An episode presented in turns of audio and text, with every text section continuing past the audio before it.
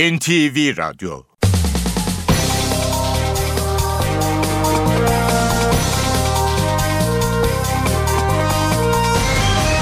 İşe Giderken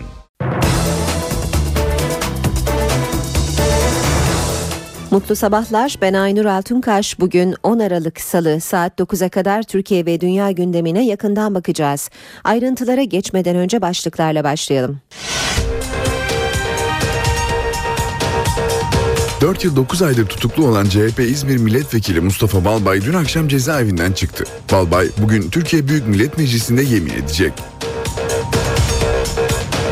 Balbay'ın tahliye edilmesini NTV'ye değerlendiren CHP Genel Başkanı Kemal Kılıçdaroğlu, önemli bir gelişme, umuyorum diğer vekiller için de uygulanmış olur dedi.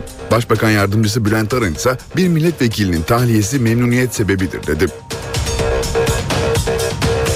Bütçe tasarısı raporunda Kürdistan ve Kürt halk önderi Sayın Öcalan ifadelerinin geçmesi genel kurulu bütçe görüşmeleri öncesinde karıştırdı. MHP ve BDP'li vekiller arasında arbede yaşandı. 2014 yılı bütçesinin Meclis Genel Kurulu görüşmeleri bugün Sayıştay tartışmalarının gölgesinde başlayacak. Mısır'da 17 Ağustos'tan bu yana cezaevinde tutulan TRT muhabiri Metin Turan tahliye edildi. Soğuk ve yağışlı hava yurtta etkili oluyor. Batıda kar yağışı, doğu ve iç kesimlerde kuvvetli don ve buzlanma yaşamı güçleştiriyor. Güney Afrika'nın efsanevi lideri Nelson Mandela için bugün Johannesburg'da konuk devlet ve hükümet başkanlarının da katılımıyla resmi anma töreni yapılacak. Kimyasal silahların yasaklanması örgütü 2013 Nobel Barış Ödülü'ne layık görülmüştü. Ödülü bugün kurumun direktörü Ahmet Üzümcü alacak. Galatasaray bu akşam Şampiyonlar Ligi'nde tamam ya da devam diyecek. Sarı Kırmızılı takım grubundaki son maçında saat 21.45'te Juventus'ta Türk Telekom Arena'da karşılaşacak. Maç Star TV ve NTV Radyo'dan naklen yayınlanacak. İşe giderken gazetelerin gündemi.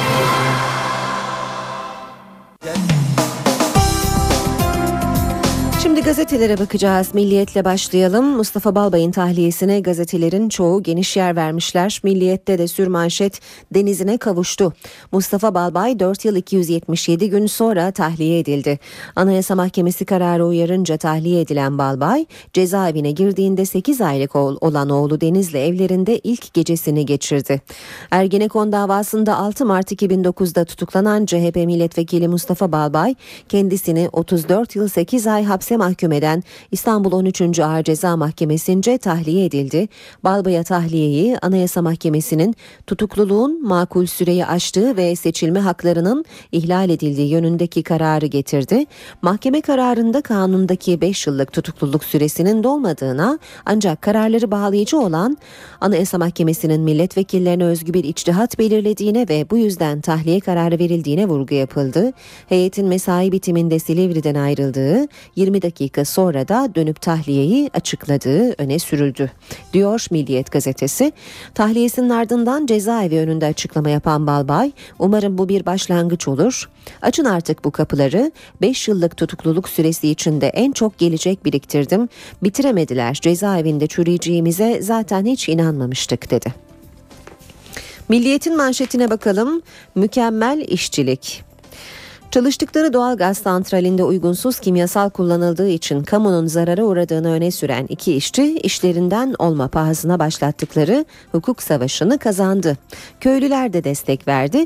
Dereye boşaltılan asitli su tarlalara zarar verip balık ölümlerine neden olunca köylüler de mahkemede tanıklık yapmış. Hukuk savaşını kazanan Akkoç'la Kızıltan başkalarına örnek olsun diyor. Aynısını e, yine yapardım başlığıyla Drogba'yı görüyoruz. Elazığ spor maçında Mandela'yı anmak için giydiği tişört nedeniyle disiplin kuruluna sevk edilen Drogba'nın açıklamaları var. Hemen altında da e, bu akşam Galatasaray'ın Juventus'la yapacağı maçla ilgili başlığı görüyoruz. Dünyanın sonu değil. Galatasaray Şampiyonlar Ligi'nde yoluna devam etmek için bu gece Juventus'u yenmek zorunda. Kritik 90 dakika öncesi teknik direktör Mancini maça zafer parolası ile çıkacaklarını ifade etti. İtalyan hoca Şampiyonlar Ligi'ne devam edemezsek de bu dünyanın sonu değil dedi. Geçelim Hürriyet gazetesine. Sür manşet bizi gözetlemeyin Beşi Nobel ödüllü 530 yazardan devletlere ve şirketlere manifesto diyor Hürriyet gazetesi. Bu yazarlar arasında Orhan Pamuk da var.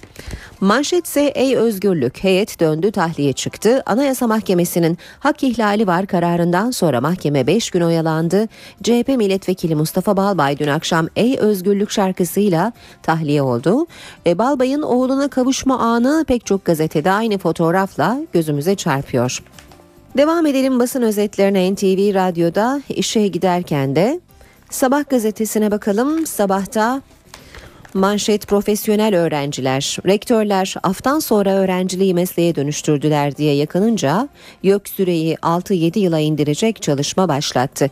YÖK'ün üniversitede ömür boyu öğrenciliği kaldırma hazırlığı, rektörlerin şikayeti üzerine Başbakan Erdoğan'ın talimatıyla gündeme geldi. Af üniversitelerde kaos yarattı diyen rektörler yakındı. Afla geri dönenler öğrenciliği mesleğe dönüştürdü. Yaşları 30-40 olan bu kişiler derslere girmiyor, okula öğrenci örgüt örgütlemeye, şiddet olayı organize etmeye geliyorlar. Eylemlerde ön sırada yer alıyorlar. Birleşmiş Milletler Zirvesi gibi veda töreni diyor e, sabahtan bir diğer başlık Güney Afrika'nın efsanevi lideri Mandela için bugün düzenlenecek veda törenine 70'i aşkın devlet ve hükümet başkanı katılacak eski liderlerle bu sayı yüzü geçecek. Soveto'daki 95 bin kişilik stat'taki törende sanat, sinema ve sporun dünyaca ünlü yıldızları da hazır bulunacak. Cumhuriyetle devam edelim. Merhaba özgürlük diyor Cumhuriyet manşetinde. Mustafa Balbay 4 yıl 278 gün sonra tahliye edildi. Adaletin başlangıcı hukuksuzlukların sonu olsun diyor Cumhuriyet haberinde. Kararını oy birliğiyle alan mahkeme Balbay için yurt dışı yasağı koydu. Savcı da ilk kez Balbay'ın tahliyesi yönünde görüş bildirdi. Balbay cezaevi çıkışında kendimi tutukluların üzerine kapıyı kapatmış gibi sorumlu hissediyorum. Açın artık kapıları dedi. 2 yıl 181 gün sonra yemin, tahliye olduktan sonra CHP lideri Kılıçdaroğlu ile görüşen Balbay bugün mecliste yemin edecek. Balbay'ı arayan Kılıçdaroğlu, hoş geldin Balbay özlemiştik seni çok seviyoruz dedi. Şimdi sıra 6 vekilde Balbay'ın tahliye edilmesinin ardından gözler 5 BDP'li milletvekiliyle balyoz davasından hüküm giyen MHP milletvekili alanın durumuna çevrildi. Diyarbakır 5. ve 6. Ağır Ceza Mahkemelerinin BDP'li vekillerin tahliye başvurularına ilişkin bugün toplanacağı belirtildi deniyor haberde. Radikalle devam edelim. Taze bir başlangıç dileği başlığıyla Balbay'ın tahliyesi. Radikalde sür manşet, manşetse 13'ünde gezici ya hapse ya yuvaya. Çanakkale'de gezi eylemleri sırasında yola slogan yazan ilk öğretim öğrencisine psikoloğun suçun anlamını algılayacak olgunluğa erişmemiş görüşüne rağmen dava açıldı diyor Radikal haberinde. Zaman gazetesiyle devam edelim. Zamanda manşet il özel idarelerinin milyarlık mal varlıkları paylaşılamıyor. 30 Mart yerel seçimlerinden sonra kapatılacak olan 29 ildeki özel idare mal varlığının kime devredileceği tartışma konusu oldu. Özel idareye ait 1686 taşınmazın bulunduğu İzmir'de valilik Sümerbank arazisinin kendilerine devreni isteyen Büyükşehir Belediyesi'ni reddetti. Belediye ise Trabzon'da AK Partili belediyeye devri örnek göstererek taşınmazların kendilerine verilmesini istiyor. Star gazetesi var sırada. Star'da halk barışa siper oldu diyor manşet. Barış düşmanlarının saldırıları sonuç vermedi. Çözüm sürecine sahip çıkan halk PKK içindeki barış karşıtı unsurların sabotaj girişimine direniyor. Provokasyonlara karşı çıkan sivil kuruluşlar ve yerel unsurlar barış sahip olduğumuz en kıymetli şey mesajını verdi. Mecliste yumruklu Kürdistan tartışması, meclis BDP'nin bütçe raporuna yazdığı Türkiye Kürdistan'ı ibaresini kaldırdı. Gergin geçen görüşmelerde BDP'li Baluken, MHP'li Yeniçeri'ye yumruk salladı diyor Star haberinde. Haber Türkiye bakacağız şimdi de Atan'ın gizli vasiyeti yok diyor Habertürk manşette. Genelkurmay evrenin yasakladığı iddia edilen hilafet vasiyeti için bizde bu mahiyette bir belge yok dedi. Habertürk'ün sürmanşeti 4 yıl 278 gün sonra çıktı. İzmir Milletvekili Mustafa Balbay dün cezaevinden tahliye edildi deniyor. Haberin devamında bir başka başlık sezaryene devam. İlk 7 ayda en fazla sezaryenle doğum özel hastanede oldu. 720.579 doğumun 369.287'si sezaryen oldu. Ve Yeni Şafak'a bakalım. Aselsan korkusu diyor Yeni Şafak manşette. Amerika bölge ülkelerine teknoloji transfer etmeye başlayan Aselsan'ın büyümesinden rahatsız oldu. Şirket son fabrikasını Kazakistan'da açmaya hazırlanırken Washington finans devi Merrill Lynch üzerinden ambargo uygulayarak ilk kez açıktan tavır aldığı deniyor haberde. Saat 7.18 gündemin ayrıntılarıyla işe giderken sürüyor. 4 yıl 9 aydır tutuklu olan CHP İzmir Milletvekili Mustafa Balbay tahliye oldu. Anayasa Mahkemesi'nin uzun tutukluluk hak ihlalidir kararının ardından dün yerel mahkeme Balbay'ın tahliyesine hükmetti. Ankara Sincan Ceza Evinden ayrılırken kameraların karşısına geçen Balbay'ın ilk sözleri merhaba özgürlük oldu. Hepinize merhaba diyorum. Merhaba özgürlük diyorum. Merhaba Türkiye diyorum. CHP'nin 4 yıl 277 gündür tutuklu milletvekili Mustafa Balbay artık serbest. İstanbul 13. Ağır Ceza Mahkemesi, Anayasa Mahkemesi'nin uzun tutukluluğun hak ihlali olduğuna dair kararının ardından Mustafa Balbay'ın tahliyesine karar verdi. Haksızlıklara, hukuksuzluklara karşı bundan sonraki yaşamımda sonuna kadar mücadele edeceğim.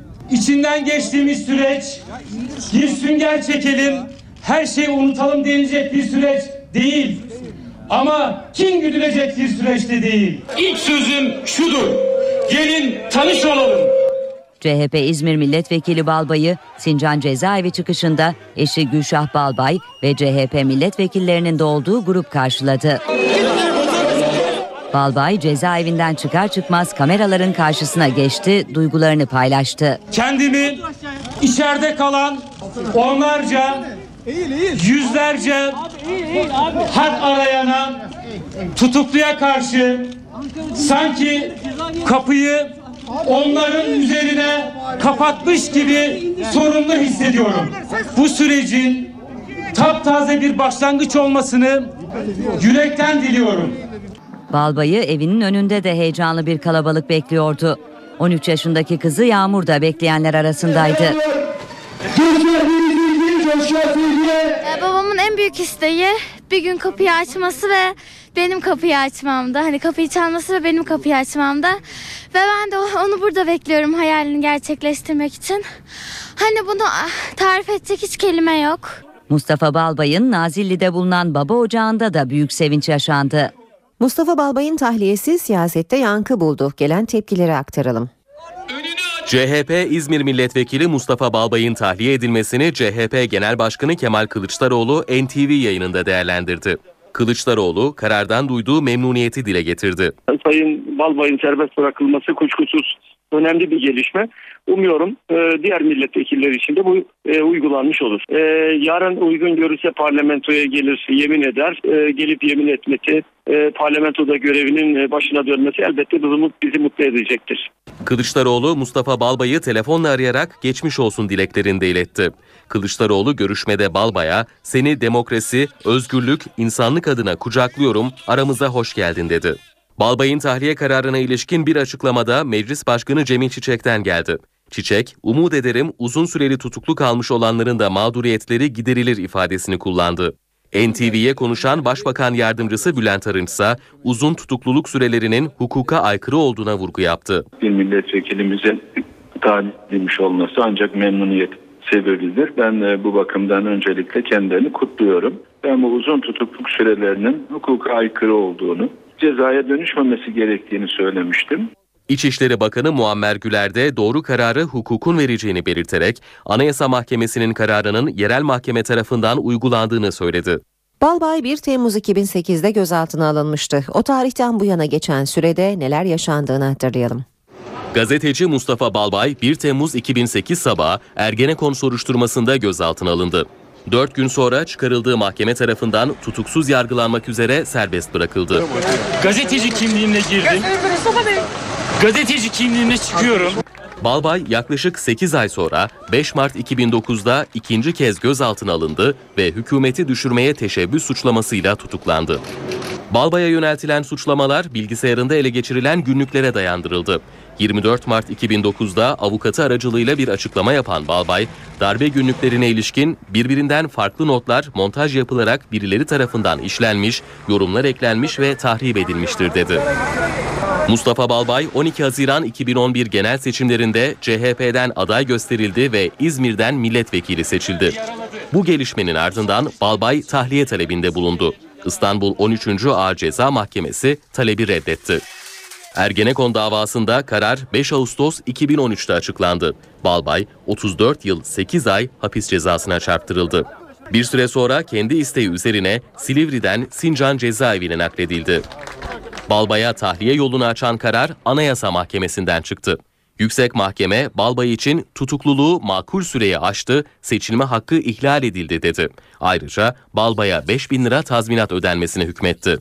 Balbay'ın avukatları Anayasa Mahkemesi'nin kararı üzerine harekete geçti. Avukatları müvekkillerinin serbest bırakılması talebiyle yerel mahkemeye başvurdu. Başvuruyu inceleyen mahkeme Balbay'ın tahliyesine karar verdi.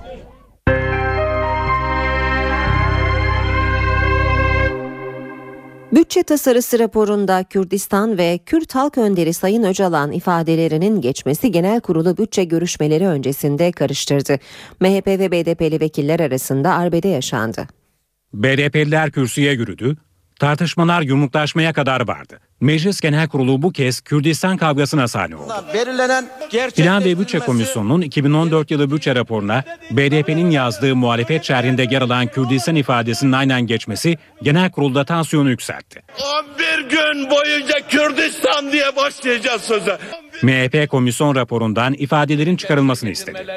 AK Parti ve CHP destek verdi. Adalet ve Kalkınma Partisi'nden net bir şekilde bu görüşmeler başlamadan önce değiştirilmesini talep etmesini istiyoruz. Böyle bir ifadeyi biz bu mecliste kabul edemeyiz. Kürt siyasi tutsak ifadesini kabul edemeyiz. Sayın Başbakan Kürdistan derse BDP'de gelir Türkiye Kürdistan'ı der. Kürt sorununu bir coğrafya sorunu haline bir Kürdistan sorunu haline getirirseniz bunu çözemeyiz. BDP ise Kürdistan ifadesinin çıkarılmasına karşı çıktı. Siz ki buradan Kürtleri çıkarırsanız bu meclis Türklerin meclisi olur. Kürtlerin meclisi olmaz. Ünal Bey, Ünal Bey siz hayatınızın kumarını oynuyorsunuz. Bu sırada MHP ve BDP'li vekiller arasında gerginlik yaşandı. BDP Grup Başkan Vekili İdris Baluke'nin Özcan Yeniçeri'ye yumruk salladığı görüldü. MHP sırası da BDP'lilerin üzerine yürüdü. Oturumun sonunda BDP'li vekiller oylama yapılmaması için kürsüye yürüdü. Ancak BDP'lilerin direnmesine rağmen Kürdistan ifadesinin metinden çıkartılması genel kurulda oy birliğiyle kabul edildi. Kabul edilmiştir. Birleşime 5 dakika ara veriyorum. Hakkari'nin Yüksekova ilçesinde iki kişinin hayatını kaybetmesi yine gösterilerle protesto edildi. Yüksekova'da iki polis müdahalesi vardı. Antalya Akdeniz Üniversitesi'nde de bir gruba polis tarafından müdahale edildi. Adalet Bakanı Sadullah Ergin çözüm sürecinin sabote edilmesinden söz etti. CHP olaylar kaygı verici dedi. Akdeniz Üniversitesi karıştı. Hakkari Yüksekova'da iki kişinin ölümünü protesto eden bir grup öğrenciye polis müdahale etti. Yüzlerini atkı ve kapşonlarla kapatan 150 kişilik grup karşıt görüşlü öğrencilerle tartıştı. Grup arbedeye müdahale eden polise taş ve şişe attı. Bir polis de emniyet amiri yaralandı. Eylemci grup ATM'ler ve güvenlik kulübelerine zarar verdi. Yüksekova'da da gerginlik vardı. Göstericiler dört katlı bir binayı ateşe verdi. Alevler güçlükle söndürüldü. İpek Yolu Caddesi'nde toplanan bir grupta yolu barikatlarla kapattı. Polise taş ve molotof kokteyli attı. Polis zırhlı araçlarla barikatları kaldırıp göstericileri dağıttı. Yüksekova'daki olaylar hafta sonunda Diyarbakır, Bingöl ve Cizre'de izinsiz gösterilerle protesto edildi. Aralarında 4 polisin de olduğu ondan fazla kişi yaralandı. Hükümetten yaşananların süreci sabote etmeye yönelik olduğuna yönelik açıklama geldi. Türkiye'nin yakalamış olduğu bu periyodu tahrip etmek isteyen unsurlar maalesef belli e, atraksiyonlarla, belli tahriklerle bu süreci sabote etmek istiyorlar. Sabırla, sebatla, akıl ile e, inşallah biz bu sürecin sürdürülmesini amaçlıyoruz. Adında özellikle barış olan, demokrasi olan partinin ve onun siyasi sözcülerinin bomba atanları, taş atanları, kınamalarını ve onların arkasında durmamalarını tavsiye ediyoruz. Ona davet ediyoruz onları. Muhalefette yaşananları kaygı verici olarak değerlendirdi. Her olayın altında bir, bir provokatör çıkıyor. Diyelim ki provokatör de oldu. E bunun cevabı e, şey değil, insanların canını almak olmamalı. Hakkari Yüksekova'da BDP ilçe başkanı Nail Durmaz vatandaşlara çağrıda itidal, e, itidal çağrısı yaptı. Durmaz Yüksekovalılardan iş yerlerini açmalarını istedi. Yüksekova'da 5 gün önce iki kişinin öldüğü bir kişinin de ağır yaralandığı olaylar protesto edilirken akşam saatlerinde Nail Durmaz açıklama yaptı. BDP ilçe başkanı Durmaz ilçede günlük hayatın normale dönmesi gerektiğini belirterek esnaf arkadaşlarımızın iş yerini açıp işlerinin başına geçmelerini istiyoruz tüm vatandaşlarımız bıraktıkları yerden normal yaşantılarına dönmelidir dedi. Malatya'da KCK'ya yönelik operasyonda gözaltına alınan 7 kişiden 5'i tutuklandı. Emniyet kent merkeziyle Ovacık ve Pertek ilçelerinde çok sayıda adrese eş zamanlı baskını yaptı. Operasyonda gözaltına alınan 7 kişi adliyeye sevk edildi. Zanlılardan ikisi serbest bırakıldı, diğer 5 kişi ise tutuklandı. 2014 yılı bütçesinin Meclis Genel Kurulu görüşmeleri bugün Sayıştay tartışmalarının gölgesinde başlayacak. Muhalefet kamu kurumlarına ilişkin denetim raporlarının sorunlu olduğu iddialarını genel kurula taşıyacak. 2000'e yakın önerge ile konu gündemde tutulacak. Meclis 2013 yılı mesaisini bütçe görüşmeleriyle tamamlayacak. 2014 yılı bütçe tasarısı 11 Aralık'tan itibaren genel kurulda görüşülecek. 11 gün sürecek olan bütçe mesaisinin ardından meclisin Ocak ayı başına kadar tatile girmesi bekleniyor. Potansiyel büyüme hızına ulaşmayı %4 büyüme, %5,3 enflasyon hedefiyle hazırlanan 436,3 milyar lira büyüklüğündeki 2014 yılı bütçesinin görüşmeleri Sayıştay tartışmalarının gölgesinde başlayacak. CHP bütçeyle ilgili muhalefet şerhinde Sayıştay raporları sorumludur tespitine yer verdi. Ana muhalefet partisi Sayıştay'ın meclise gönderdiği 47 raporda mali denetime ilişkin görüş bildirmediğini vurguladı ve Sayıştay denetçilerinin raporlarındaki eleştirilerin meclise gönderilen raporlara yansımadığını belirtti. Sayıştay eleştirisi MHP ve BDP tarafından da dile getirilecek. MHP denetim raporları kağıt üstünde kaldı eleştirisi yapıyor. BDP ise Sayıştay'ın son derece sınırlı bir denetim yapabildiğine dikkat çekiyor. Muhalefet 2000'e yakın önerge hazırladı önergelerle Sayıştay eleştirilerinin genel kurula taşınması planlanıyor. İktidar kanadı ise önergelerle görüşmelerin tıkanması halinde konuşma sürelerini sınırlama eğiliminde.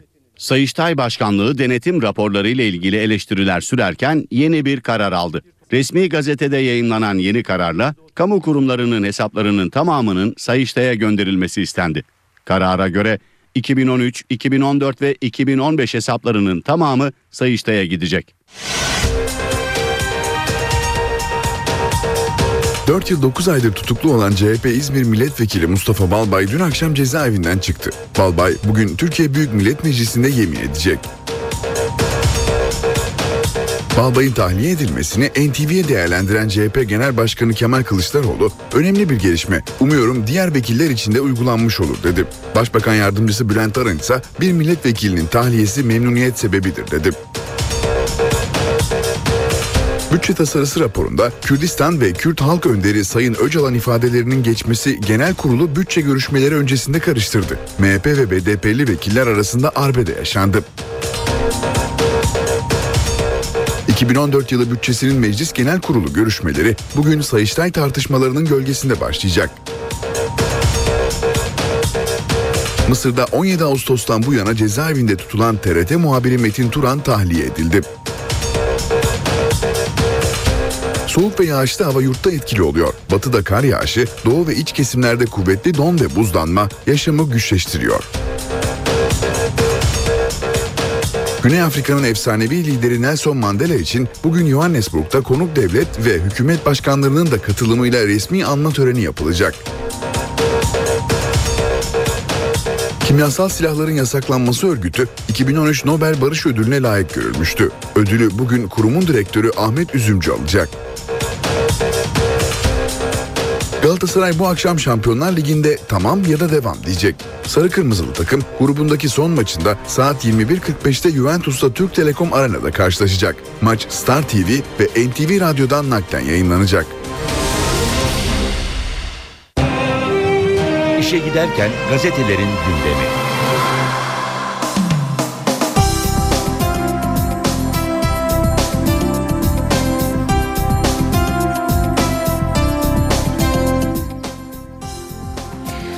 Şimdi gazetelerden spor haberleri aktaracağız. Fotomaç gazetesinde bıyık sakal manşetini görüyoruz.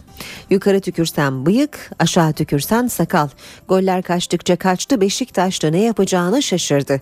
Kazanması halinde ikinci sıraya çıkacak olan Kartal Sivas'la berabere kaldı diyor Fotomaç haberinde. AMK gazetesinin manşeti ise para devler liginde. Hemen altında Parçala Aslan'ın başlığı var. Galatasaray Şampiyonlar Ligi'nde ya tamam ya devam maçına çıkıyor. Rakip Juventus hedef kazanıp Avrupa'da bir kez daha tarih yazmak. 21.45'te başlayacak maçın NTV Radyo'dan canlı yayınlanacağını bir kez daha duyuralım. Fanatik e, gazetesinde çöküş başlığını görüyoruz manşette. Bir futbol takımının başına bir haftada bundan daha fazlası gelemezdi. Derbide 10 kişilik Fenerbahçe'yi yenemediler. Kupada PTT e, Ligi'nin 14.sü Buca'ya elendiler. Dün gece de inanılmaz goller kaçırdıkları Sivas maçında tek puanı razı oldular. Acı ama gerçek. Kartal artık zirvenin 9 puan uzağında diyor Fanatik gazetesi. Şimdi gazetelerin spor sayfalarını da e, çevirelim. Milliyetle başlayalım. Tutun düşüyor demiş Milliyet'te. Beşiktaş'ta kayıplar hız kesmiyor. Zirve her hafta biraz daha uzaklaşıyor. Koltuğunda rahat başlığı var. Beşiktaş Teknik Direktörü Bilic koltuğunu sallantıda mı sorusuna bir süreklilik yakalamadık ama 8 maçtır kaybetmeyen bir takımdan bahsetmiyoruz. Bizim hedefimiz iç saha maçlarını kazanmak koltuğumda rahatım dedi. Allah bizi cezalandırdı. Holosko ikincilik şansını kaçırdıklarını söyleyerek çok net fırsatları değerlendiremedik. Belki de Allah bizi cezalandırdı diye konuştu. Milliyetten okumaya devam ediyoruz. Hem hava hem para Cimbom sahadan zaferle ayrılırsa Şampiyonlar Ligi sahnesinde kalacak. UEFA gelirlerini de katlayacak. Galatasaray için Juventus maçı final özelliği taşıyor. Devler Ligi'nde geçen sezon 25 milyon euro kazanan ancak bu sezon kasasına sadece 5,5 milyon euro koyabilen sarı kırmızılı takım gruptan çıkamazsa büyük gelir kaybına uğrayacak. Aslan'ın UEFA Ligi'ne kalması teselli olacak. Avrupa defterinin kapanması ise Başkan Ünal Aysal'ın bütün plan planlarını bozacak. Ligin patronu Aslan Avrupa'da fırtına gibi esen Fenerbahçe ülkere Galatasaray Live Hospital ligde dur dedi. Abdi İpekçi'yi tıklım tıklım dolduran taraftarının önünde ezeli rakibini devirdi. E, Ergin Ataman ve Obradovic'in Türkiye'deki düellosunda da durum bir bire geldi diyor Milliyet.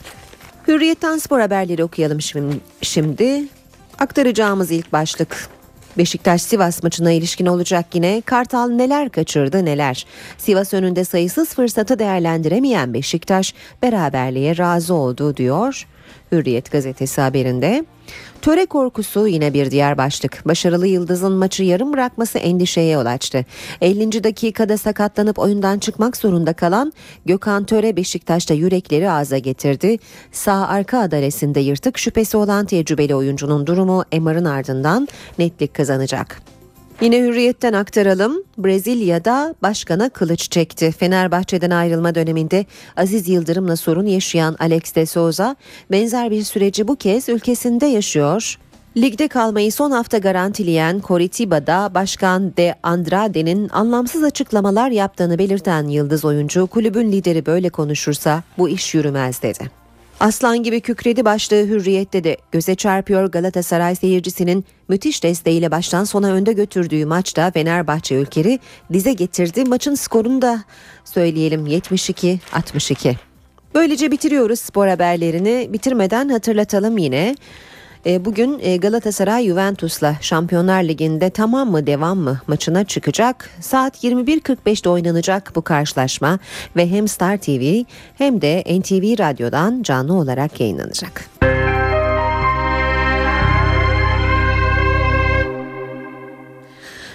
Önemli gelişmelerle devam edelim. Yurdun doğusu kar esareti altında. Van'da köy yolunda mahsur kalan 50 kişi 4 saat sonra kurtarılabildi.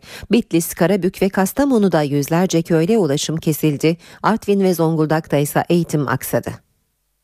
Yoğun kar ve tipi mağdur etti. Van'da taziye ziyaretinden dönen konvoydaki bir araç Gövelek köyü yolunda kara saplandı. Araçlarda bulunan 50 kişi mahsur kaldı. Kurtarma ekibi 4 saat sonra bölgeye ulaşabildi. Araç halatla çekilerek kardan çıkarıldı. Yurdun diğer kesimlerinde de manzara aynı. Bitlis'te 100, Karabük'te 154, Kastamonu'da ise 484 köyün yolu kapalı. İl özel idaresine bağlı ekipler kapanan yolları açmaya çalışıyor. Kar yağışı eğitimi de aksattı. Artvin'de kent merkeziyle Hopa, Murgul ve Borçka ilçelerinde okullar bir gün tatil edildi. Zonguldak'ta da merkeze bağlı belde ve köylerde taşımalı eğitim kapsamındaki okullarda bugün eğitime ara verildi. Kar kalınlığı Uludağ'da 25, Kartalkaya'da 40 santimetreye ulaştı. Bursa'da bir evde aynı aileden 5 kişi zehirlenerek hayatını kaybetti. Ölümlerin nedeni projeye uygun olmayan şofbenin bacasından sızan gaz. Chopin tesisatındaki ihmal ölüm getirdi. Aynı aileden 5 kişi yaşamını yitirdi. Olay Bursa Osman Gazi ilçesinde meydana geldi. 5 kişilik aileden bir süredir haber alamayan akrabaları eve gitti. Kapıyı kimse açmadı. Polise haber verildi. Eve giren polis ve sağlık ekipleri 5 kişinin yerde hareketsiz yattığını gördü. Yapılan ilk incelemede ailenin Chopin'den sızan gaz nedeniyle öldüğü belirlendi. Hayatını kaybedenlerden 3'ü çocuk. Olay 4 yaşındaki Metehan Mete'nin doğum gününde yaşandı. Hayatını kaybeden Çetin Mete ve Fadime Madenci'nin eşlerinden boşandığı, çocukları Gülben Şeker, İpek Su Şeker ve Metehan Mete ile birlikte bir hafta önce eve taşındıkları ortaya çıktı. Evde yapılan incelemede Chopin'in baca tesisatının projeye uygun olmadığı belirtildi. projesiz bir uygulama yapılmış olması, e, Chopin'den e, e, gaz sızması neticesinde ölüm gerçekleşiyor. Proje yok ve bütün menfezlerin, havalandırma menfezlerinin de kapalı olduğunu tespit ettik, yapıştırılmış olduğunu tespit ettik. Başbakan Tayyip Erdoğan'ın öğrenci affının sınırlandırılacağına ilişkin sözlerinin yankıları sürüyor. YÖK Başkanı Gökhan Çetinsay'a da bu konu e, da bir çalışma yapıldığını ancak nihai aşamaya gelinmediğini açıkladı. Üniversite rektörleri de af süresinin kısaltılmasını destekliyor. Öğrencilerse af olmalı ama sınırsız olmayabilir görüşünde. 6 yıl 7 yıl. Bitirdin bitirdin. Bitiremediğin takdirde artık güle güle. Başbakan Recep Tayyip Erdoğan, üniversitelerde öğrenci affının sınırlandırılacağı mesajını bu sözlerle verdi. YÖK Başkanı Gökhan Çetinsay'a da bu sözlerin hemen ardından konuyla ilgili bir çalışma yapıldığını açıkladı. Bizim önümüze gelen meselelerden bir tanesidir. Bir takım çalışmalar yapılmaktadır ama henüz nihai bir aşamaya gelinmemiştir. Çetinsay'a sınırsız af uygulamasında yaşanan sorunları da sıraladı. Harçların kaldırılması kararından sonra bu konuda bir boşluk doğdu. Özellikle fen bilimleri ve sosyal bilimler enstitülerinde yüksek lisans ve doktora eğitimlerinde öğrenciliğin bitmemesi giderek öğretim üyeleri üzerinde ve enstitüler üzerindeki tez yüklerini e, arttırıyor. Öğrencilerin nasıl olsa bir gün mezun olurum endi, e, motivasyonuyla veya gerekçesiyle öğrenciliklerini uzatma eğilimine girdiği, bu da sosyal bakımlardan, toplumsal bakımlardan, birçok bakımdan bizlere ulaşmış çeşitli öneriler e, ve e, talepler bulunmakta. Af süresinin sınırlandırılmasını üniversite rektörleri de destekliyor. Süresiz hak, sınırsız af hakikaten şu anda sadece terör açısından değil eğitim kalitesi açısından da e, sıkıntı oluşturuyor. Öğrenciler de olası bir uygulamaya karşı değil. Af olmalı bence ama e, süresi çok da uzun tutmamalı gerekiyor. Yani tutmamaları gerekiyor. Atılıyor ve bitiremiyor. Başka mesleğe uğraşıyor. Belki idealindeki mesleği yapamıyor yani. Af olması güzel bir şey. Trabzon'da Karadeniz Teknik Üniversitesi'nde öğrenciler arasında kavga çıktı. İki kişi yaralandı. Bir grup öğrenci kanserden hayatını kaybeden arkadaşları adına kütüphane yapılması için stand açtı. Başka bir grup buna tepki gösterince akşama doğru arbede çıktı. Taraflar dakikalar boyunca birbirlerine sandalye ve şişe attı. İki öğrenci hafif yaralandı. Olay öğrencilerin dağılmasıyla sona erdi. Polis okulun çevresinde güvenlik önlemi aldı. Gezi Parkı eylemleri sırasında tutuklananların aileleri dün meclisteydi. Çocuklarının serbest bırakılması için basın toplantısı düzenlediler. Toplantıda duygusal anlar da yaşandı. CHP Tunceli Milletvekili Hüseyin Aygün, Gezi Parkı eylemlerinde tutuklananların durumunu meclis gündemine taşıdı. Bu ailelerin bir özelliği var. Hemen onları biraz övmek istiyorum. Her cumartesi günü Taksim'de bir araya geliyorlar ve çocuklarının durumunu kamuoyuna hatırlatıyorlar. Aygün tutuklu eylemcilerin aileleriyle meclise bir araya geldi. Birlikte kameraların karşısına geçtiler. Aileler çocuklarının suçlu olmadığını anlattı. Şımavardaki Erdoğan vicdan edecek lazım yani. Çocuklarımızın suçsuz ve sebepsiz bir şekilde cezaevinde tutuldu. 6 aydır iddianamenin hazır olmadığını beyan etmeye çalıştı. Elif annenin çocuğunun derhal serbest bırakılmasını talep ediyor. 18 Haziran'dan beri içeride yargısız ifadesi tutuklanıyor şu anda. Bir anne olarak gerçekten bunun çok büyük acı olduğunu ne gecemiz gece ne gündüzümüz gündüz bunu belirtmek istiyorum. Evde bulunan bir maskeyle suçlanıyor. Şu anda maskeyle suçlanıyor. Benim oğlum sınavlara getirdiler. Ee, ayın 24'ünde 24'ünden ben de tabii ki baba olarak gittim sarıldım oğluma. Vay sen nasıl babana sarılırsın diye Metris'e götürürken oğlumu aralarına almışlar top diye oynamışlar. 8. Cumhurbaşkanı Turgut Özal'ın zehirlenerek öldürüldüğü iddiasıyla açılan davada oğlu Ahmet Özal dün tanık olarak dinlendi. Babasının zehirlendiği iddiasını yineleyen Özal, Uğur Mumcu ile Turgut Özal'ın aynı derin yapı tarafından infaz edildiğini savundu. 8. Cumhurbaşkanı Turgut Özal zehirlenerek mi öldürüldü? Bu soruya yanıt aranan Özal davasının ikinci duruşmasına Ahmet Özal'ın açıklamaları damga vurdu. Ahmet Özal babasını derin devlet olarak tanımladığı yapının öldürdüğünü iddia etti. Rahmetlerin ölümüyle suikasti bir bütündür. 88 yılı suikasti tekrar dosyalardan çıkartılıp devlet arşivlerinde gizli bulunan belgelerin incelenmesiyle bu olay çok daha netleşecektir. Hatta Ocak 93'te rahmetli Uğur Mumcu'nun öldürülmesiyle başlayan bütün 93 yılı meselesi rahmetlinin suikastinin aydınlatılmasıyla tekrar gündeme alınmasıyla büyük bir ihtimalle zaten 93'ü çözeceklerdir. Duruşmada tanık olarak dinlenen Ahmet Özal, davanın tek sanığı Levent Ersöz'ü tanımadığını söyledi. Özal, babasının ölümüne ait Adli Tıp Kurumu raporlarının da tam olarak açıklanmadığını savundu. Davanın tek sanığı emekli tüm general Levent Ersöz ise rahatsızlığını gerekçe göstererek duruşmaya katılmadı. Ersöz mahkemeye 98 sayfalık yazılı bir savunma sundu. 19 Mart 2014 tarihine ertelenen duruşmaya katılmaması durumunda Levent Ersöz'ün ifadesi telekonferans yöntemiyle alınacak. NTV Radyo Herkese yeniden günaydın. Ben Aynur Altunkaş. Hava durumu bugün önemli. Ee, olağanüstü kış şartlarına hazır olmamız gerekiyor. Bugünden hissetmeye başladık. Gökhan Abur'a birazdan soracağız. Önce gündemin başlıklarını hatırlayalım. 4 yıl 9 aydır tutuklu olan CHP İzmir Milletvekili Mustafa Balbay dün akşam cezaevinden çıktı. Balbay bugün Türkiye Büyük Millet Meclisi'nde yemin edecek. Balbay'ın tahliye edilmesini NTV'ye değerlendiren CHP Genel Başkanı Kemal Kılıçdaroğlu önemli bir gelişme. Umuyorum diğer vekiller için de uygulanmış olur dedi. Başbakan Yardımcısı Bülent Arın ise bir milletvekilinin tahliyesi memnuniyet sebebidir dedi. Bütçe tasarısı raporunda Kürdistan ve Kürt halk önderi Sayın Öcalan ifadelerinin geçmesi genel kurulu bütçe görüşmeleri öncesinde karıştırdı. MHP ve BDP'li vekiller arasında arbede yaşandı. 2014 yılı bütçesinin Meclis Genel Kurulu görüşmeleri bugün Sayıştay tartışmalarının gölgesinde başlayacak. Mısır'da 17 Ağustos'tan bu yana cezaevinde tutulan TRT muhabiri Metin Turan tahliye edildi. Soğuk ve yağışlı hava yurtta etkili oluyor. Batıda kar yağışı, doğu ve iç kesimlerde kuvvetli don ve buzlanma yaşamı güçleştiriyor. Güney Afrika'nın efsanevi lideri Nelson Mandela için bugün Johannesburg'da konuk devlet ve hükümet başkanlarının da katılımıyla resmi anma töreni yapılacak. Kimyasal silahların yasaklanması örgütü 2013 Nobel Barış Ödülü'ne layık görülmüştü. Ödülü bugün kurumun direktörü Ahmet Üzümcü alacak. Galatasaray bu akşam Şampiyonlar Ligi'nde tamam ya da devam diyecek. Sarı Kırmızılı takım grubundaki son maçında saat 21.45'te Juventus'ta Türk Telekom Arena'da karşılaşacak. Maç Star TV ve NTV Radyo'dan naklen yayınlanacak. Evet Gökhan Abur'la beraberiz. Günaydın Sayın Abur. Günaydın. Hemen İstanbul'daki iptal seferleri hatırlatarak başlayalım bu bölüme. E, deniz ulaşımı aksıyor. Elverişsiz hava koşulları sebebiyle İDO'nun dış hat, e, hızlı feribot ve deniz otobüsü seferleri iptal edildi. Ayrıca şehir hatlarının da Heybeliada, Büyükada Kalkışlı Kabataş ve Bostancı Adalar seferleri yapılamıyor.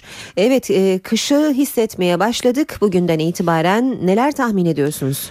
Evet öncelikle rüzgar e, giderek kuvvetlenecek. Marmara bölgesinde şu anda batı karayelden esen rüzgar önümüzdeki saatler içinde batıya e, karayele hızlı bir şekilde dönecek ve hızı öğleden sonra ve özellikle akşam saatlerinde 50 kilometrenin üzerine çıkacak. Bu fırtına değil ama fırtınaya çok yakın bir rüzgar.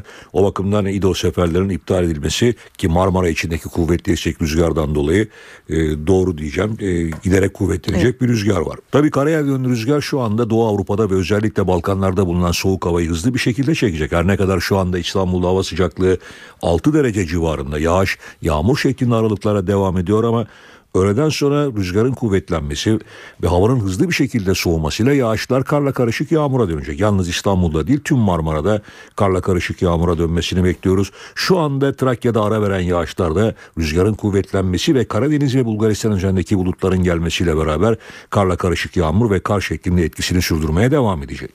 Gece saatlerinde İstanbul'daki yağışın da kara dönmesini bekliyoruz. İstanbul başta olmak üzere Marmara bölgesi ve ülkenin büyük çoğunluktaki asıl soğuma yarın ve perşembe günü olacak. Ama bugün soğuk hava etkisini giderek arttırmaya başlıyor rüzgarların kuvvetlenmesiyle. Rüzgarların kuvvetlenmesi demişken özellikle akşam saatlerinde Çanakkale Boğazı'nı Bozcaada ve Gökçeada'yı uyarmak istiyorum. Bölgede Poyraz yönlü fırtına var. Aynı şekilde öğleden sonra giderek kuvvetlenecek karayel yönlü rüzgar Çeşme, Bodrum, özellikle Kuşadası ve Bodrum açıklarında fırtına şeklinde esmeye devam edecek ki gece saatlerinde giderek etkisini arttıracak karayel yönlü rüzgar bölgedeki olumsuz hava koşullarını tetikleyecektir.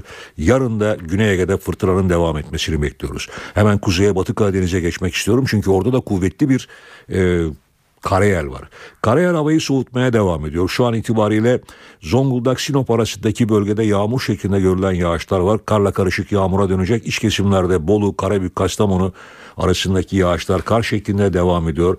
Aynı şekilde Amasya Tokat arasındaki yağışlar kar şeklinde devam ederken şu an itibariyle Sivas, Eskişehir, Kayseri, Nevşehir'de de hafif de olsa kar yağışı başladı.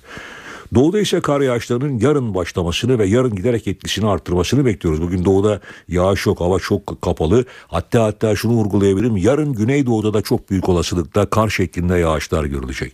Evet ülkemiz bugünden itibaren ve özellikle yarın ve perşembe günü etkisini giderek arttıracak kış koşullarının etkisi altına geliyor. Evet. Sürücüler dikkatli olmalı, sobalar dikkatli yakılmalı ve söndürülmeli ve kuvvetli fırtınadan dolayı oluşabilecek olumsuz şartlara karşı da gerek denizde olanlar gerekse karada olanlar tedbirli ve dikkatli olmalı. Gökhan Abur teşekkürler. İşe giderken gazetelerin gündemi.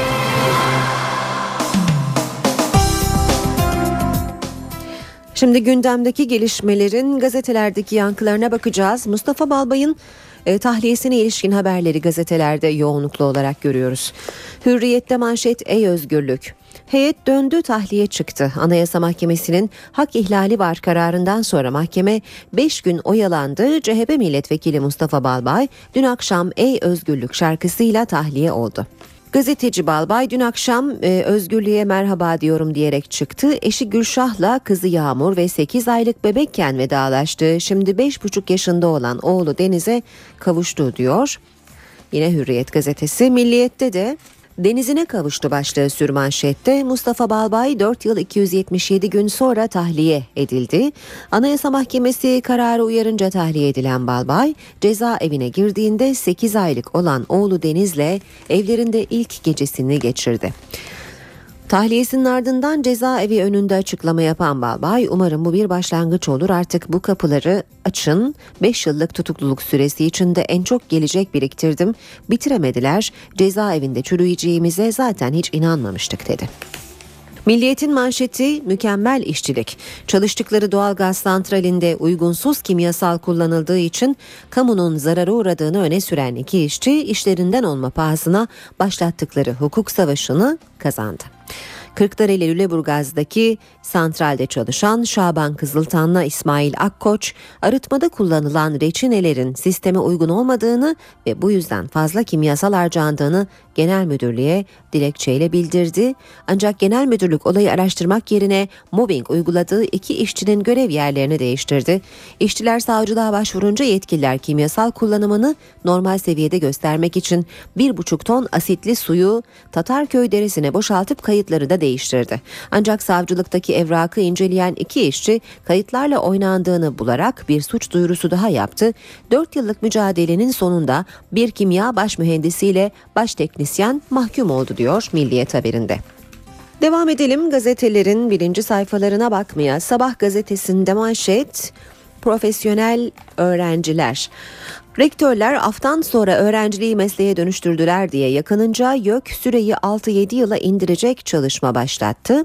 YÖK'ün üniversitede ömür boyu öğrenciliği kaldırma hazırlığı rektörlerin şikayeti üzerine Başbakan Erdoğan'ın talimatıyla gündeme geldi. Af üniversitelerde kaos yarattı diyen rektörler şöyle yakındı.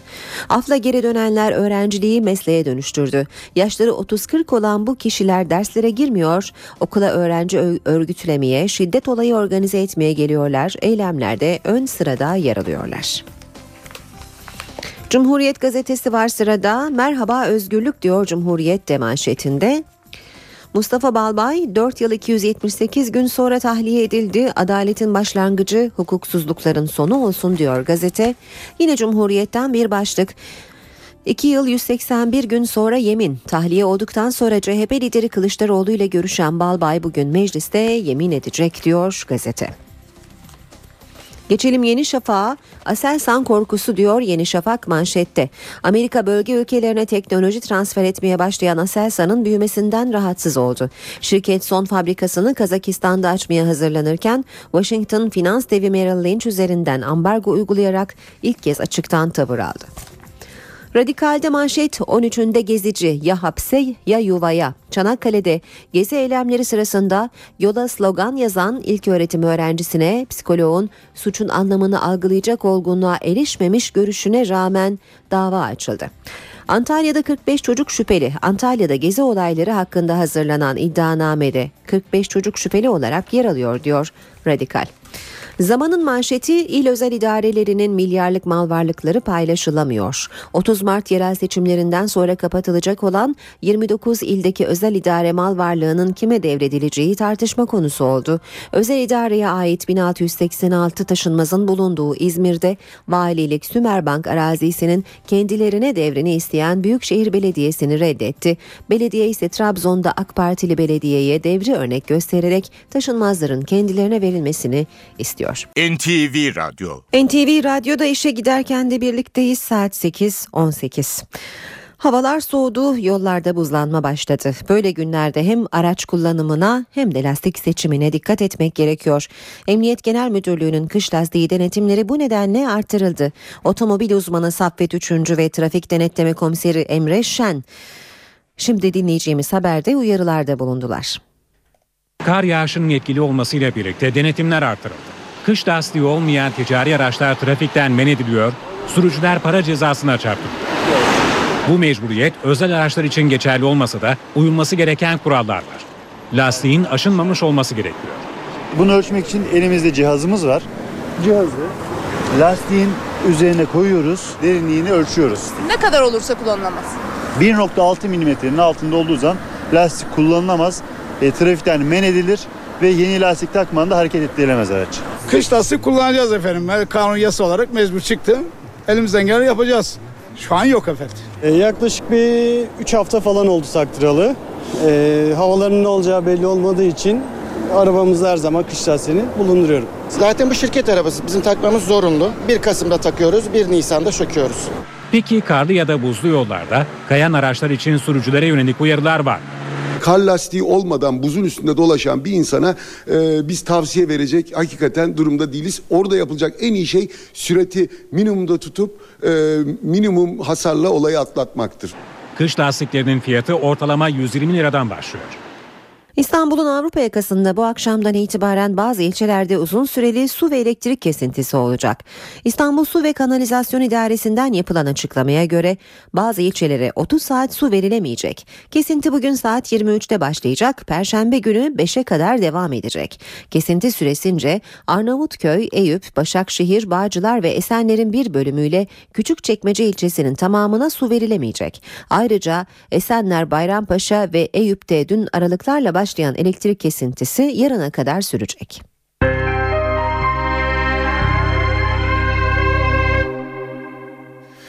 Şimdi Ankara'ya geçiyoruz. Bugün gözler mecliste olacak. Hem bütçe görüşmeleri var hem de Mustafa Balbay'ın yemin etmesi bekleniyor. Karşımızda Deniz Kilislioğlu var. Deniz günaydın.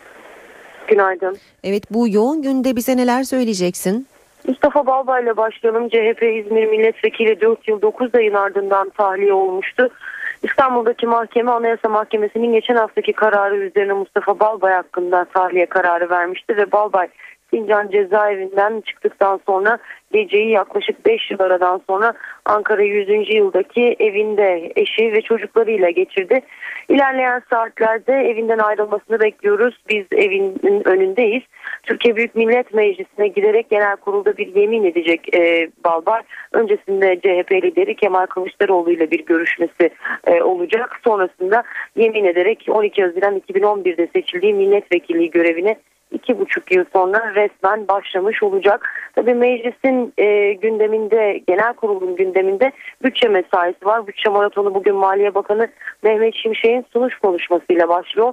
Ardından liderler tek tek kürsüye çıkacaklar. Muhalefetin eleştirilerine Başbakan Erdoğan yanıt verecek. Tabii en çok tartışmalı konu Sayıştay raporları ile ilgili olan konu. 2014 bütçesinin görüşmelerine de Sayıştay tartışmalarının damgası vurması bekleniyor. CHP bütçeyle ilgili muhalefet şerhinde e, Sayıştay raporları sorumludur tespitine yer verdi. MHP denetim raporları kağıt üstünde kaldı eleştirisi yapıyor. BDP ise Sayıştay'ın son derece sınırlı bir denetim yapabildiğine dikkat çekiyor. Muhalefet 2000'e yakın önerge hazırladı önergelerle Sayıştay eleştirilerinin genel kurula taşınması planlanıyor. İktidar kanalı ise önergelerle görüşmelerin tıkanması halinde konuşma sürelerini sınırlama eğiliminde. E, bugün 10 Aralık İnsan Hakları Günü. Bu kapsamda farkındalığı arttırmak amacıyla yurt genelinde çeşitli etkinlikler düzenlenecek. E, Meclis Başkanı Cemil Çiçek de Meclis İnsan Hakları Komisyonu Başkanı Ayhan Seferüstün ve beraberindeki heyeti kabul edecek. Bir diğer taraftan ekonomi cephesinde 3. çeyrek büyüme rakamları açıklanacak Türkiye İstatistik Kurumu tarafından. Dışişleri Bakanı Ahmet Davutoğlu'nun bir programı var. Ee, eski Güney Afrika Devlet Başkanı efsanevi lider Nelson Mandela için açılan taziye defterini bugün Büyükelçilikte Güney Afrika e, Cumhuriyeti Büyükelçiliğinde imzalayacak. Nelson Mandela için bugün e, bir cenaze töreni yapılacağını ve o törende Türkiye'yi Başbakan Yardımcısı Beşir Atalay'ın da temsil edeceğini hatırlatalım. Avrupa Birliği Bakanı Egemen Bağışı'nda bir programı var. Mali İşbirliği Koordinasyon Kurulu 5. toplantısına katıldıktan sonra TOB Başkanı Rıfat Sarcıklıoğlu'nu kabul edecek. Deniz teşekkürler kolay gelsin.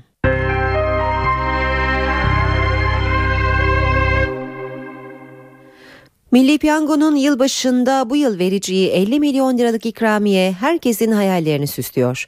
Bayilerde kalabalık şimdiden oluşmaya başladı. Torunum geliyor onun şansını aldım. Ee, inşallah e, gönlümüze göre olsun diyorum. Şans yok da biz şansımızı denemek için alıyoruz ya. Yılbaşı ikramiyesi tam 50 milyon lira. Yılbaşına daha var ancak şimdiden biletler için kuyruklar oluştu.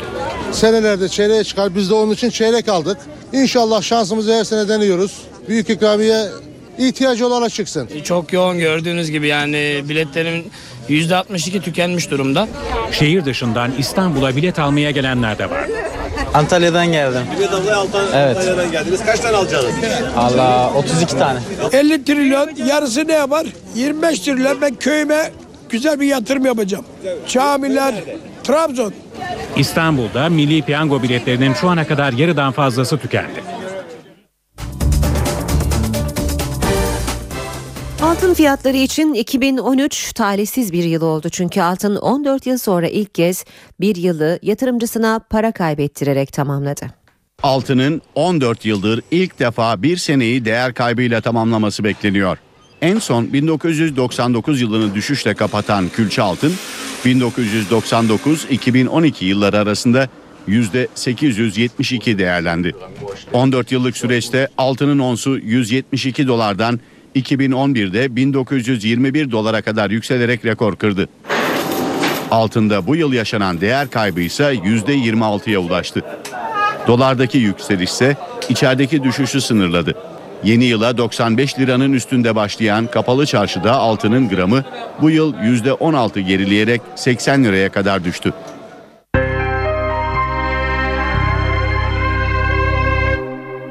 İlik nakli bekleyen yüzlerce hasta için yeni bir umut söz konusu. Acıbadem ve Erciyes Üniversitelerinin ortak çalışmasıyla yarı uyumlu iliklerin bağışçıdan hastaya naklinde başarı sağlandı.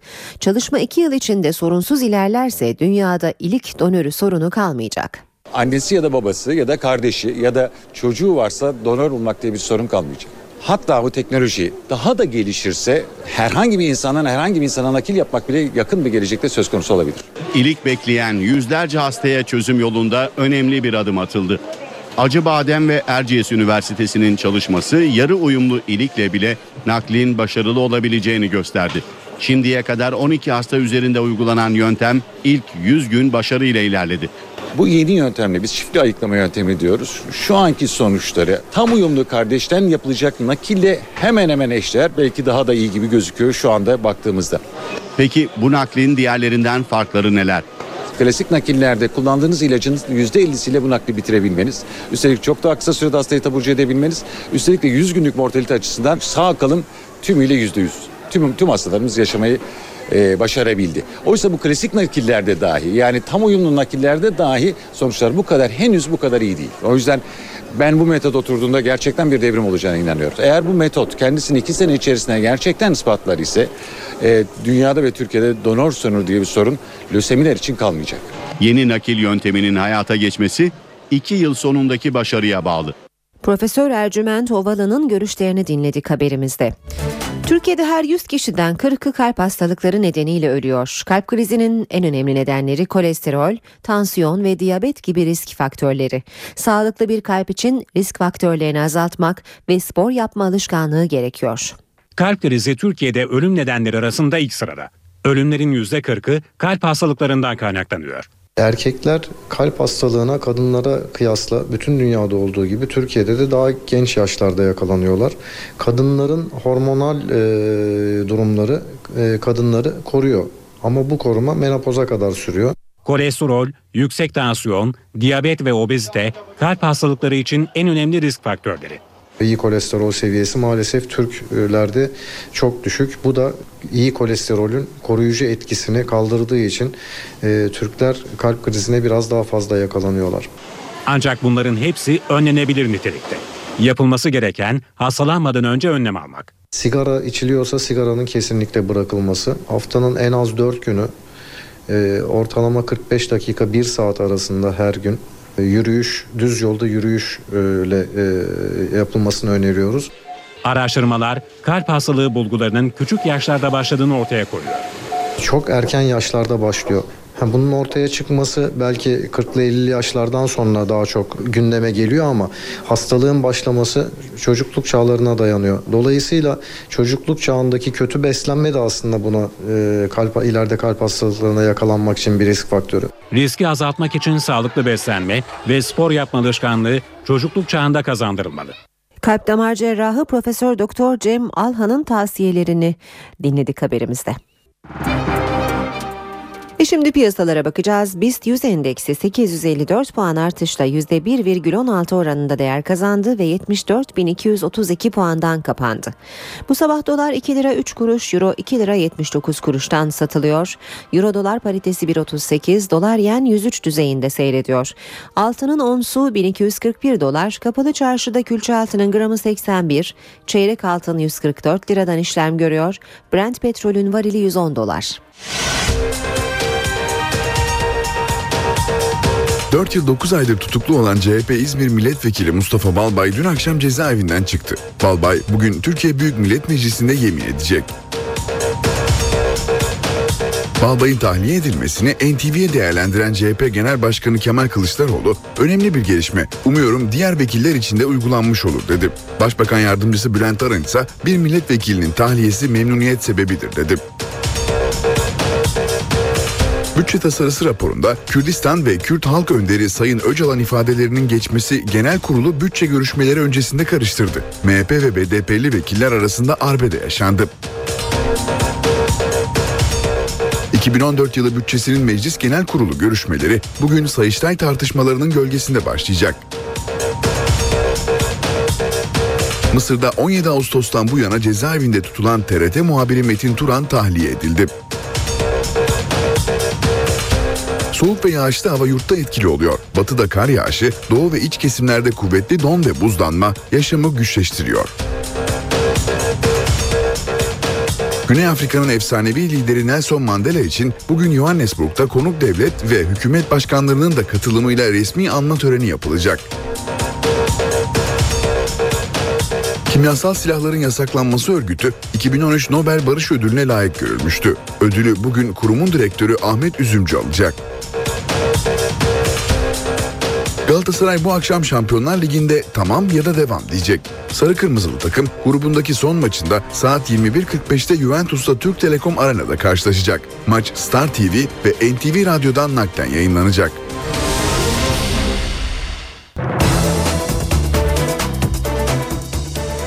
NTV Radyo'da işe giderken de birlikteyiz. Saat 8.38'i gösteriyor programın son bölümünde.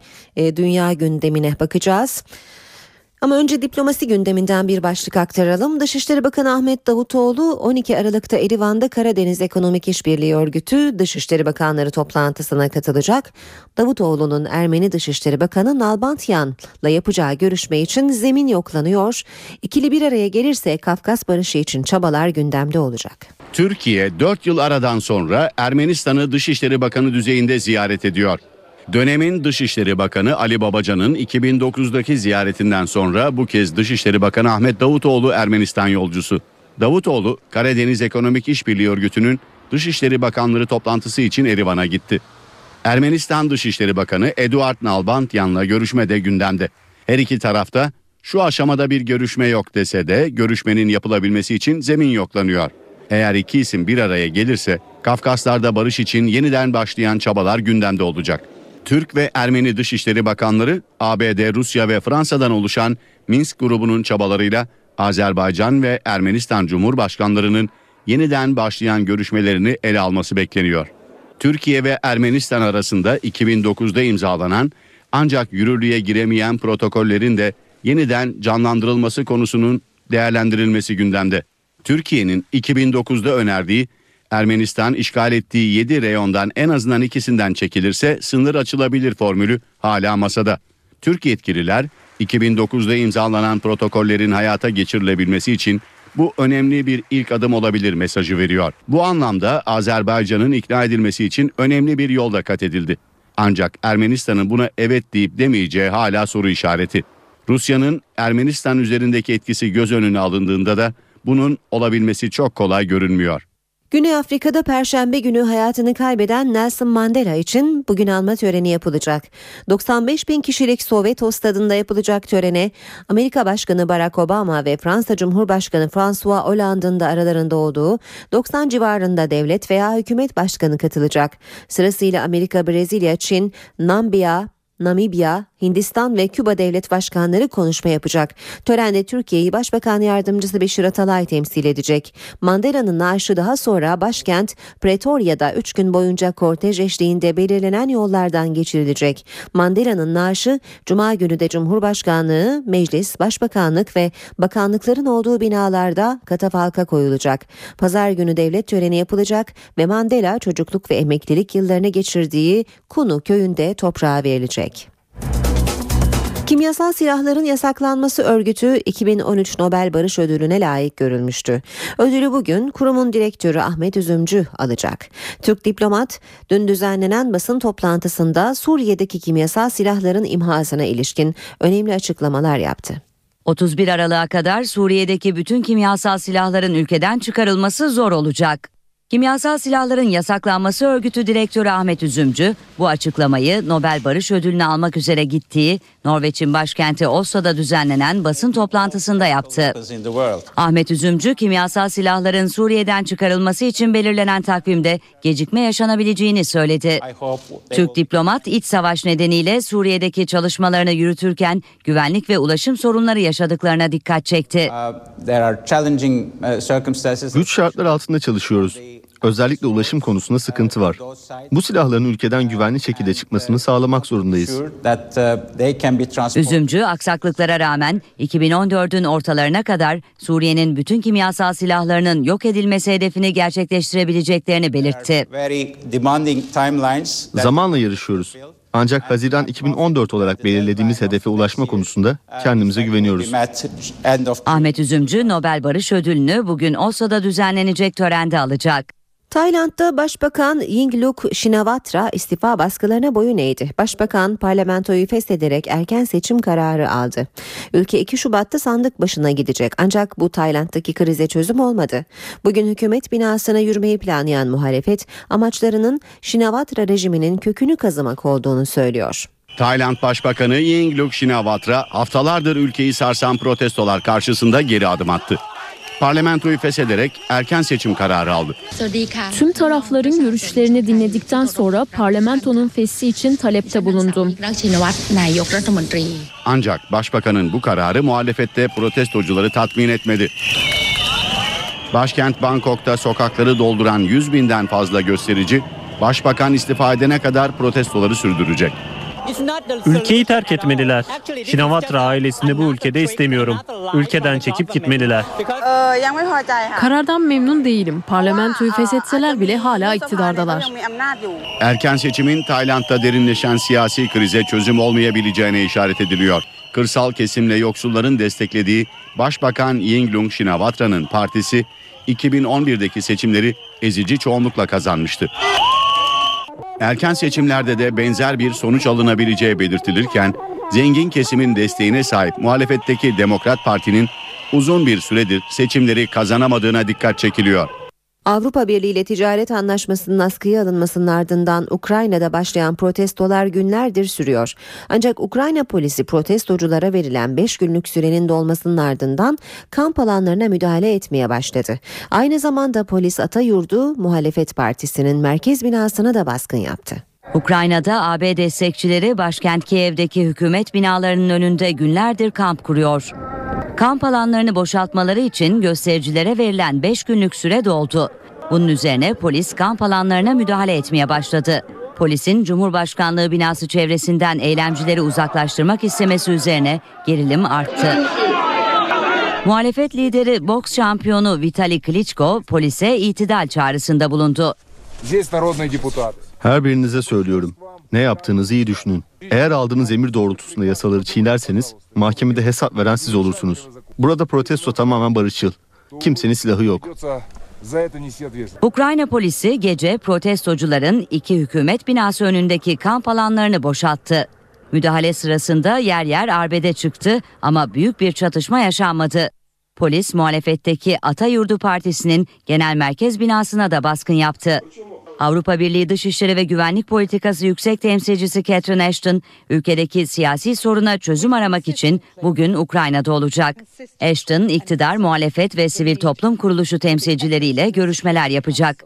Devlet Başkanı Viktor Yanukovic'in Ukrayna'daki krizi aşma amacıyla bugün muhalefet liderleriyle masaya oturması bekleniyor.